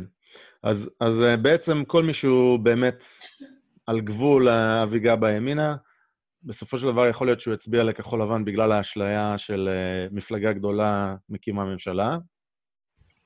אה, ומישהו לא, הוא יגיד, טוב, למה שאני אצביע על הדבר הזה? בוא אני אצביע לשמאל אמיתי. וזה מרץ. שזה בעיקרון משהו שאני לא כל כך מבין, ההצבעה למפלגה הגדולה בהכרח.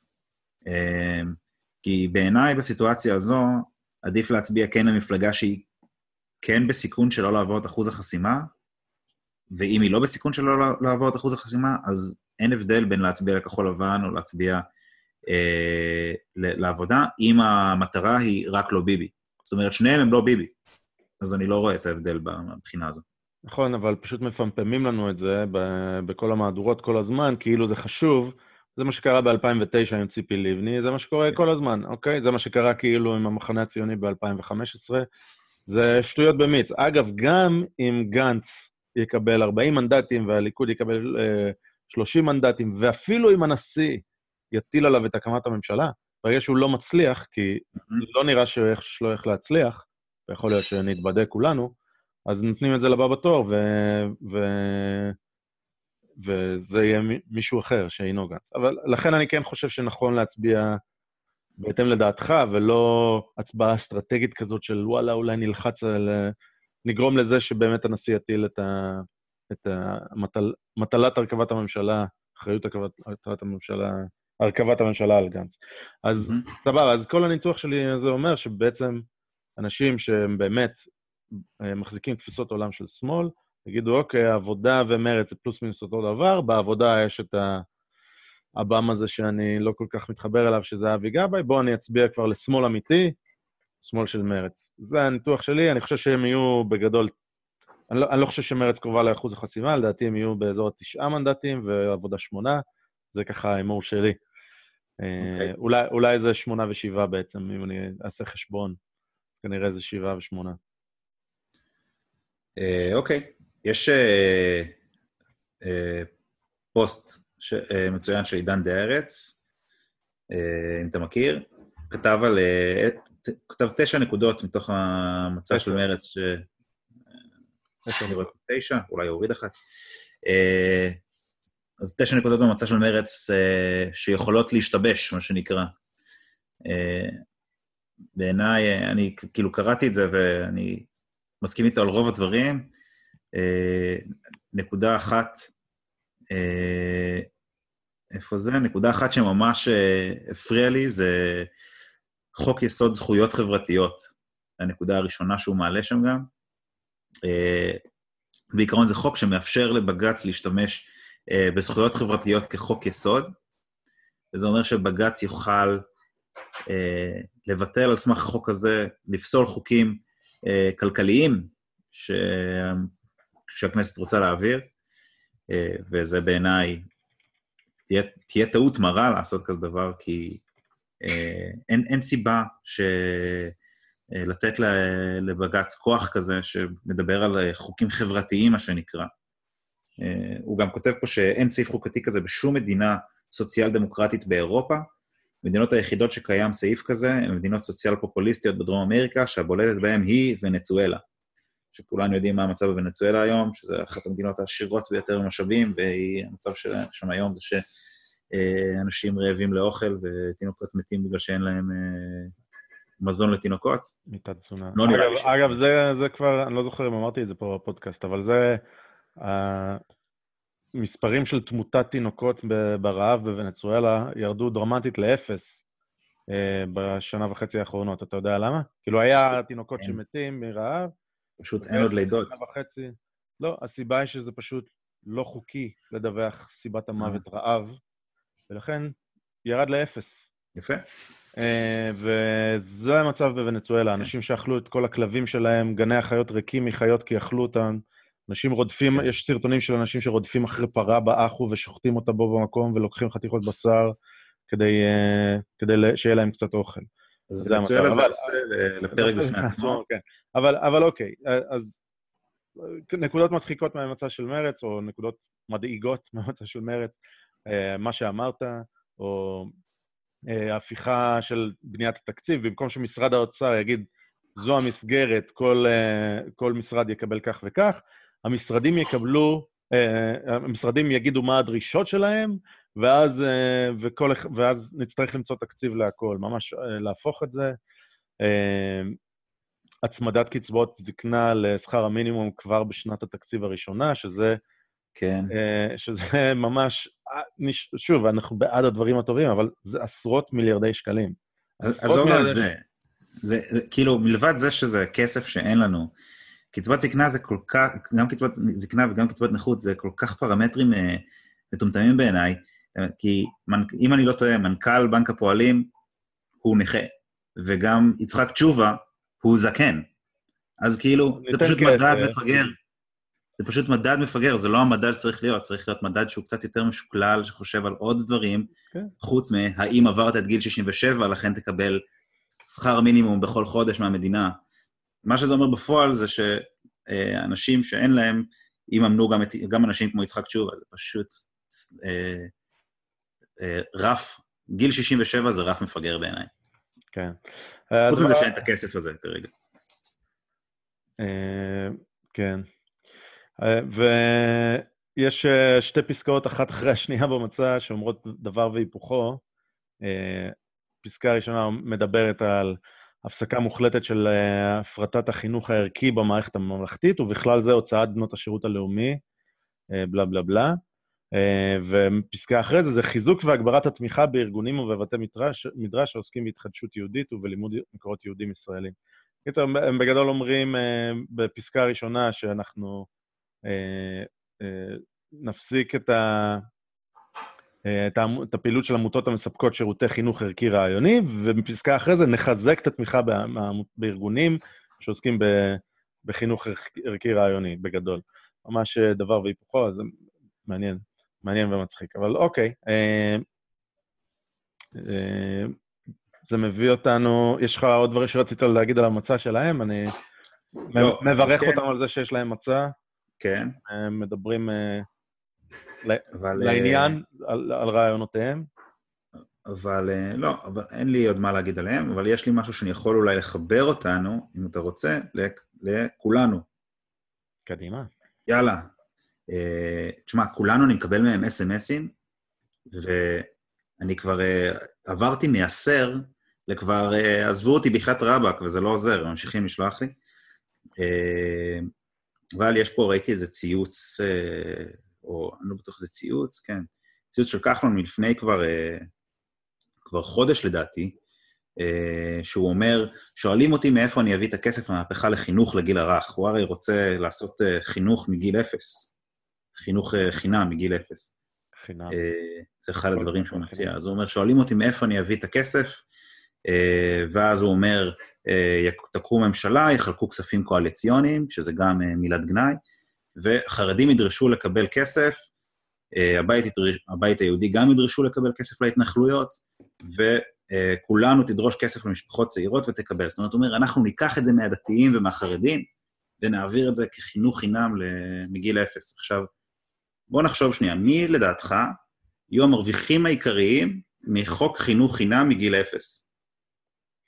כאילו, זה פשוט לקחת את הכספים שלנו, החילונים, שיש לנו שניים, שלושה ילדים, ולהעביר אותם לאלו שיש להם שבעה ושמונה ילדים, פשוט ככה. זה פשוט טמטום נשמע לי, באמת, כמה מפגר אפשר להיות. אה, כן. סליחה על הבוטות, באמת, זה מבטיח אותי.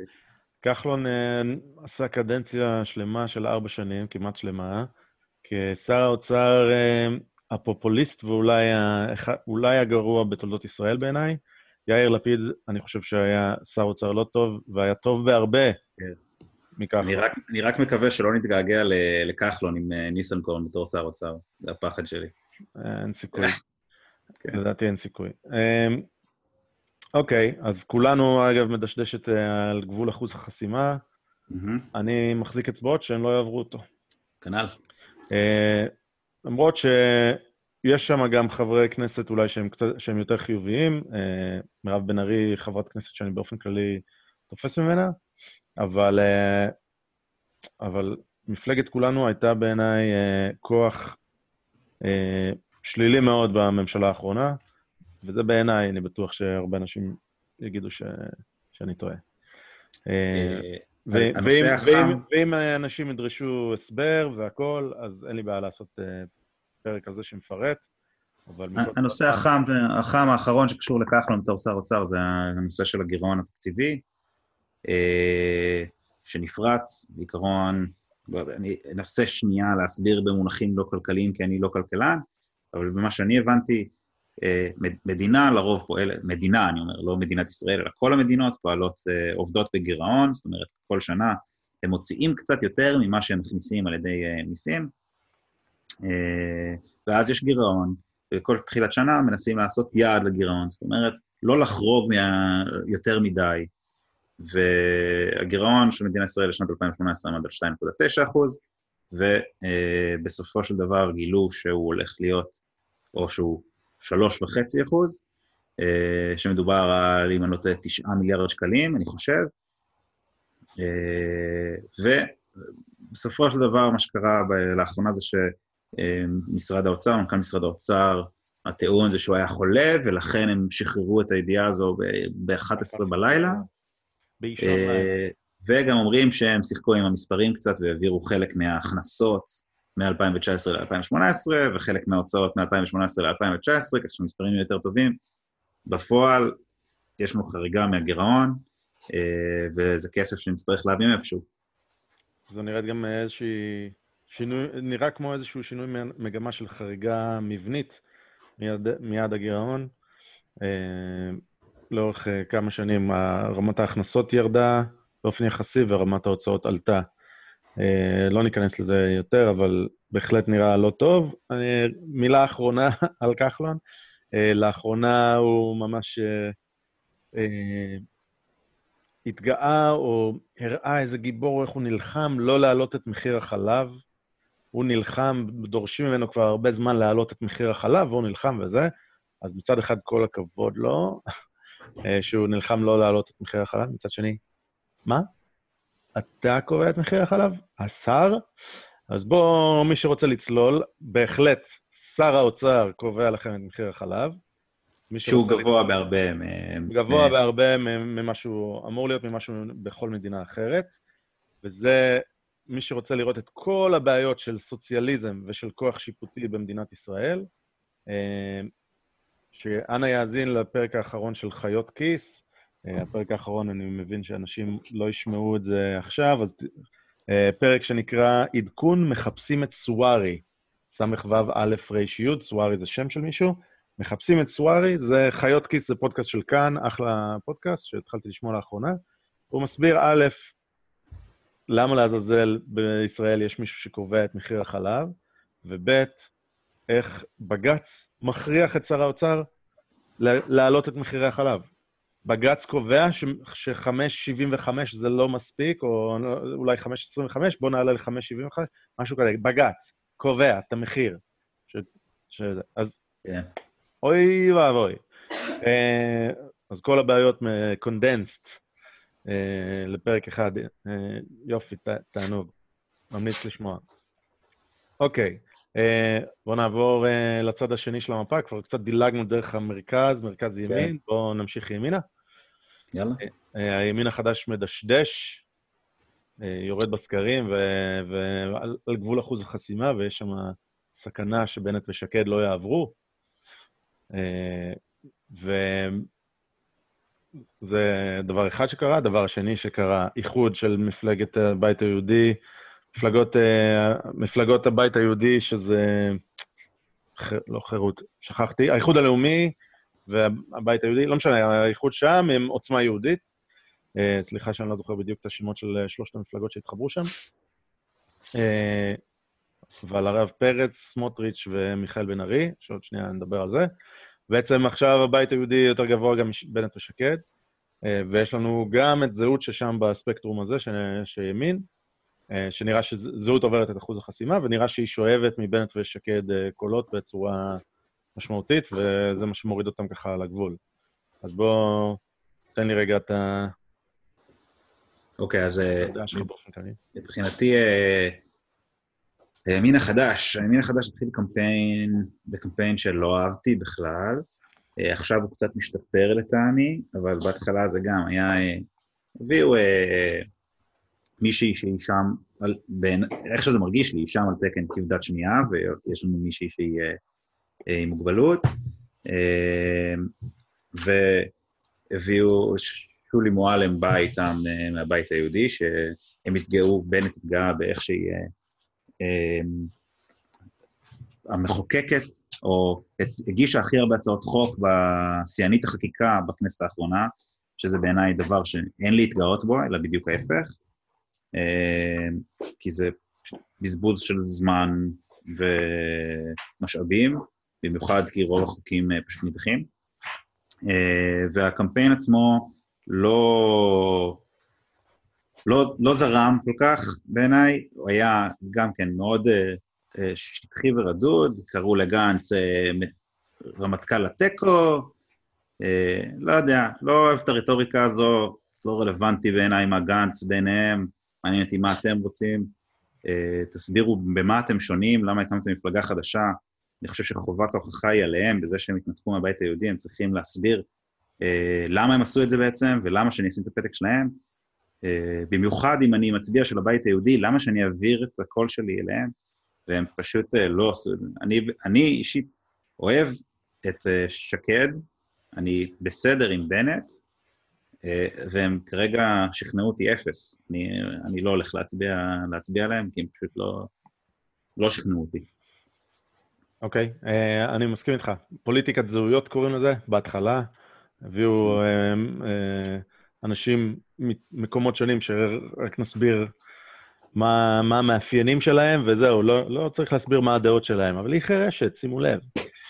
Uh, כן, הביאו את קרולן גליק, שהיא uh, בן אדם שאני מעריך מאוד, uh, ואת מתן כהנא, שאני גם מעריך מאוד, והם רק, רק לאחרונה, לדעתי, התחילו לדבר קצת על מהות, אבל בדומה לחוסן לישראל, כמו שאתה אומר, לא, לא היה להם מצע ביציאה לדרך. אה, אני לא יודע אם יש להם עכשיו, הם דיברו על זה שהם אה, עובדים על עקרונות המצב, ואני מודה שלא בדקתי עכשיו אם יש להם, אבל ככה זה לא בסדר להתחיל, לא בסדר להגיד בואו איתי, כשאני לא אומר למה כן, ו- וזהו, וכמו שאני תופס את זה, הם בעצם התפצלו מהבית היהודי, כי הם אומרים, אנחנו רוצים למשוך כוחות, קולות חילוניים. הבית היהודי נתפס אצל הרבה אנשים כדתי מדי, אנחנו רוצים למצוא את הימין שהוא לא ימין דתי, ו- וככה לקבל עוד קולות, זאת הייתה המטרה, אבל באמת צריך להסביר לאנשים שהם, הציבור, שהם ימניים, שהתעניינו, להסביר להם למה כן. והם לא עשו את זה מספיק, ואני חושב שהם לאט לאט מתחילים לעשות את זה יותר, אבל אה, וואלה, מעט מדי, מאוחר מדי, חבר'ה, ל- ל- להסביר את זה בצורה יותר טובה, אה, ו- וזהו. אה, איחוד המפלגות בימין, אה, אה, אז א', כמובן שזה קיבל הרבה הרבה ביקורת. אה, כמובן שהביקורת, לפחות מחלק מהיריבים, היו, הייתה ביקורת כלפי נתניהו, איך הוא מעז ל- ללכת, אה, לשתף פעולה עם גזענים ונאצים והכול. יש אנשים שאמרו נאצים כמובן, סתיו שפיר ועוד מישהו אמרו נאצים. אה, וזהו, אז א', אני חושב שהמהלך של נתניהו הוא ממש uh, הגיוני. הוא אמר, אני לא יכול להתחבר איתם כי יש מרחק גדול מדי, ובואו אני אדאג שגוש הימין יהיה ככה וככה, ונתניהו הוא פוליטיקאי, והוא פוליטיקאי על הרבה יותר מכל האחרים האלה, אה, האחרים בזירה. הוא עושה מהלך פוליטי שהוא מאוד הגיוני, אפשר להגיד שהוא, שהוא מבאס או שהוא... שהוא טוב, אבל אחלה מהלך פוליטי, כאילו, ככה הבן אדם הוא ראש ממשלה כבר עשר שנים. אני לא חושב שזה חרג מתחום הסביר כמשהו שאסור לעשות. עכשיו, אנשים שחושבים שזה כן חרג מתחום הסביר, זה כנראה אנשים שחושבים שעוצמה אה, אה, יהודית היא מפלגה שהיא בכלל לא לגיטימית. אז אתה רוצה לדבר עליהם רגע, על עוצמה יהודית ספציפית? אז עוצמה יהודית בעיניי, אה, אני, אני ככה, אני לא מכיר את המפלגה לעומק, בכלל לא. אה, אני מכיר שני אנשים שם, שזה אה, מיכאל בן ארי ואיתמר בן גביר. הם השניים שלדעתי כולם מכירים. ובעיניי, איתמר בן גביר, לא שמעתי אותו אומר שום דבר שהוא לא לגיטימי, לא אוהב את איך שהוא מתבטא לרוב, אני לא אוהב את איך שהוא, את, את הרטוריקה שלו, אה, אבל הוא לא אמר שום דבר שהוא אסור, בוא נגיד ככה, לא שמעתי אותו לפחות אף פעם. אה, מצד שני, יש את אה, מיכאל בן ארי, שהיה כבר חבר כנסת, ולגביו אני כן ראיתי ציטוטים, שלא שמעתי אותו אומר אותו בקולו, אומר אותם בקולו, אבל ציטוטים שבעיניי הם לא לגיטימיים בכלל, הסתה, ו... וצריך אה, צריך לתת את הדין על זה בעיניי, זה ממש דברי אה, הסתה לא לגיטימיים בכלל. שאני אגיד אה, שאני ממש אמצא את הציטוט, זה מעניין. כן, תמצא את הציטוט, אני רגע אגיד, אעשה איזה תיקון קטן, אני רואה שהימין החדש כן הוציאו מצע, 32 עמודים, בערך חצי מהם הם תמונות. אה, וגם סיסמאות כנראה, אני לא קראתי, אבל, אה, אבל טוב לכם שהוצאתם מסע, צעד אה, בכיוון הנכון. לגבי עוצמה יהודית, אז התנועה, הביקורת הכללית, העקרונית, היא שהם ממשיכי דרכו, הם כהניסטים, ממשיכי דרכו של הרב כהנא, וזה כך בעצם וזה, אז אני טוען שזו ביקורת אה, לא עניינית, כי להגיד הם ממשיכי דרכו של הרב כהנא, זה אמירה שאין בה תוכן, והיא לא מדברת על מה שהם מדברים. הרב כהנא מת כבר באזור ה-30 שנה, אוקיי? ואני, ואני יכול ללכת למרץ ולהגיד, מרץ הם ממשיכי דרכו של סטלין. כי, כי הם באו ממפלגה שהייתה בעבר קומוניסטית. אה, אוקיי? מרץ הוקמה ממפלגה קומוניסטית בעבר. בשנות ה-50 זו הייתה מפלגה קומוניסטית, בעיתון דבר הוציא מת שמש העמים, אה, סטלין מת, והכול. אני יכול להגיד, אה, מרץ ממשיכי דרכו של סטלין. אז לא, מרץ הם מרץ.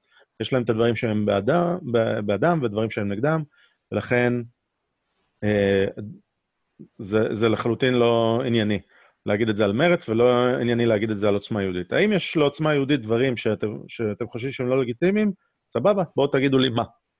אה, ובעוצמה יהודית מדברים אה, בשפה שהיא אולי לפעמים לא, האוזן הישראלית לא רגילה לשמוע, כי זו שפה שבאמת, לא שפה, תוכן, שאנשים לא רגילים לשמוע, והם אומרים שאויבי ישראל, אה, צריך להיות איתם אה, ביד, לנהוג בהם ביד קשה וכולי וזה. אה, הם, הם לא בעד, היה חוקים של כהנא, בסדר? היה לפני 30 שנה, כהנא הציע, הציע חוקים של הפרדת מקומות, כאילו, הפרדת חופים בין יהודים ללא יהודים, לאסור נישואים וזה, כל הדברים האלה שעוצמה יהודית נגדם. באופן מוצהר, אני שמעתי את בן גביר אומר כמה פעמים שהוא נגד כל מיני דברים כאלה של הרב כהנא, אה, וכשהוא נרצח, אז בן גביר היה, אני יודע, בן חמש, בן שמונה, לא יודע בן כמה הוא היה. אז אי אפשר להגיד, אה, הוא הרב כהנא. אה, אז בואו תתייחסו לגופו של עניין, באמת, מה לא בסדר. הדבר השני, ו- ובגלל זה אתה תביא את הציטוטים עוד רגע. כן. הדבר השני שבאו, רגע, עוד באו בביקורת, זה אמרו, בן גביר יש לו uh, תמונה של גולדשטיין אצלו בסלון. לחלוטין תמונה שאני לא הייתי שם אצלי בסלון, בסלון אבל הוא לא, לא מתחרט על זה ואומר, אני בכלל לא שמתי את התמונה של גולדשטיין בגלל שהוא, שהוא ביצע טבח, אלא כי הוא היה רופא אה, שהציל את החיים של חברים שלי. אה, והוא נתן, אה, הוא היה אגב רופא גם ליהודים, גם לפלסטינים, וזה, וחד משמעית, גולדשטיין הוא דמות שצריך להוקיע אותה, ואני לא תומך ב... ב לשים תמונה שלו או שום דבר כזה. אבל לבן גביר יש את הניסיון חיים שלו, והוא שם את התמונה הזאת, וסבבה, אפשר להגיד שזה מהלך, מהלך מטופש, או שזה אפילו דעה שאני שונא, אבל וואלה, סבבה, ולאף אחד לא אכפת אה, שיש ל... ש... שחברי כנסת מצטלמים עם אה, מחבלים, או שאנשים הולכים לפגוש את אה, ברגותי, אוקיי? בכלא, אנש... חברי כנסת מכהנים הולכים לפגוש את ברגותי, שהוא רוצח אה, שהורשע ברצח חמישה ישראלים. אה, אז, אז כן, אנשים עושים, עושים דברים, ועל הכיפאק. אז גם בן גביר עשה משהו, שם תמונה, שאני כן. לא הייתי שם, לא הייתי שם בסלון. נגיד, גם לא האמנתי לו שזו הסיבה, אבל, אה, אבל בסדר, אולי. ההתבטאות... אגב, גם אני לא בטוח שהאמנתי לו, אבל... אבל כן. אוקיי, כאילו, גם... אוקיי. טוב, אז לפי כתבה בוואלה, אז שוב, אמרתי, קראתי את זה, בן גביר אמר, אה, בן ארי, סליחה, אמר ככה, צריך קודם כל לשנות את המשוואה, שמי שרק מעז לדבר נגד יהודי, הוא לא חי, הוא לא חי. לא מגרשים אותו, לא שוללים לו אזרחות, אה, הוא לא חי, כיתת יורים, הורגים אותו, מחסלים אותו, כמו שערבים מבינים, זו השפה שלהם. בעיניי, מחוץ לשיח הלגיטימי. כן, נשמע לא טוב, נשמע כמו אה, משהו שהוא הסתה, ואם לא הסתה, אז על גבול ההסתה. Uh, כמובן שאין פה את ההקשר, אבל זה נשמע בהחלט uh, סקצ'י, נגיד ככה. זה נשמע כמו, כמו הסתה... פר אקסלנס. כן. Uh, לא כן. אני מסתייג קצת כי אין פה את הקונטקסט, אבל זה בהחלט נשמע כמו הסתה, אין ספק. אנחנו מקליטים את זה פחות או יותר שעה אחרי שנפסלה מועמדותו של בן ארי לכנסת. כן. אוקיי? ועל רקע הציטוט הזה שלך, ואולי ציטוטים אחרים, אה, אני רק רוצה, יכול להיות שהיה צריך לפסול אותו, אבל אני רק רוצה להביע את מורת רוחי מהפסילה שלו, ברמה העקרונית, לא, מ, לא אה, פרסונלית אליו, כי יכול להיות שהיה צריך לפסול אותו, אוקיי?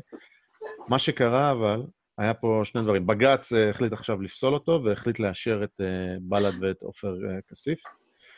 אה, והיה פה שני דברים שונים לחלוטין, אני מקווה שאני אצליח להסביר את זה בצורה טובה. הדבר הראשון לגבי בל"ד ועופר כסיף, לדעתי ההחלטה של בג"ץ לגיטימית. אה, אגב, אה, טוב, לא, לא נצלול עכשיו לחוק יסוד הכנסת וזה, לדעתי אין שום דרך לפרש את בל"ד כמפלגה שעומדת בחוק.